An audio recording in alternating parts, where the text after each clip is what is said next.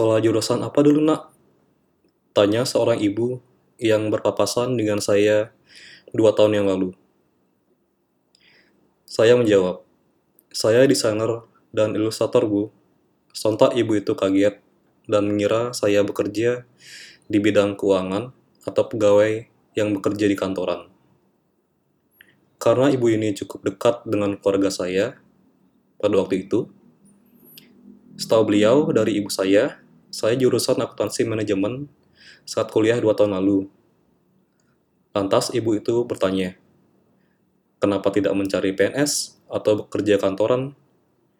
Kemudian saya menjawab, saya tidak terlalu suka bekerja di kantor dan ingin membuat usaha sendiri. Ibu tersebut lalu berkata kepada saya, Wah, apa tidak sayang jurusannya, nak? Saya menjawab, Tidak, Bu. Ilmu akuntansi saya masih bisa dipakai untuk mendukung bisnis saya. Kemudian ibu itu terasa memaklumi dan berkata, Semoga sukses ya, nak.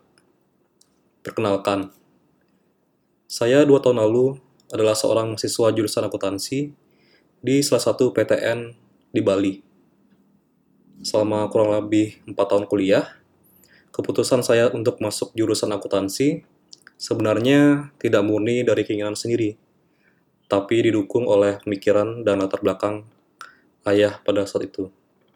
Dan saudara juga menggiring rencana yang sebelumnya memilih kuliah di kafe atau desain komunikasi visual beralih ke akuntansi yang saya dulu sewaktu SMA tidak terlalu menonjol di pelajaran ini.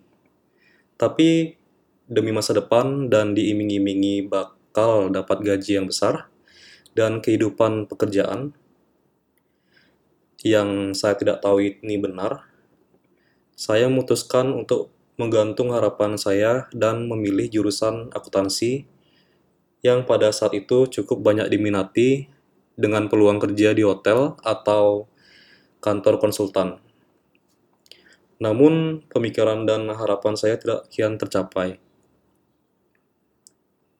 Saya percaya setiap manusia memiliki keunikan tersendiri, yang bahkan Tuhan menciptakan manusia dengan bakat yang tidak sama, satu dengan yang lainnya, termasuk juga dalam menghandle stres saat kerja.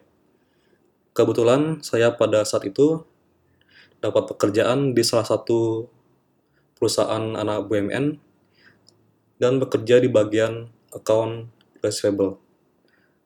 Ya, hanya sebentar saja, tidak sampai setahun, saya memutuskan resign dari kantor tersebut karena dirasa tidak cocok. Ya, mungkin ini terdengar kurang berjuang, tapi keinginan hati memang tidak bisa dipaksakan. Sebulan berlalu, setelah resign, saya pada waktu itu fokus untuk membangun usaha, membuat website, dan sebagainya. Ya, walaupun keuntungannya tidak sebanding dengan UMR Bali pada waktu itu. Tapi saya bangga berdiri sendiri dan mandiri. Namun yang namanya usaha, ada jatuh bangunnya juga. Sehingga pada akhirnya saya menemukan peluang bisnis desain di internet melalui marketplace dan juga sosial media. Di sana mata saya baru terbuka Ternyata market desain begitu luas, tidak hanya sebatas membuat ilustrasi atau desain yang diperuntukkan atau dimarketkan oleh orang lokal.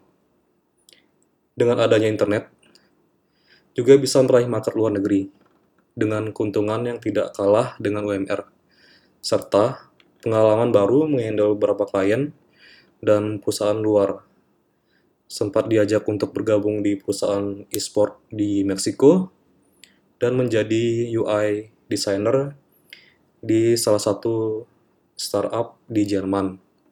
Tapi dalam konteks pekerjaan yang dilakukan secara remote atau pekerjaan jarak jauh mirip dengan WFH.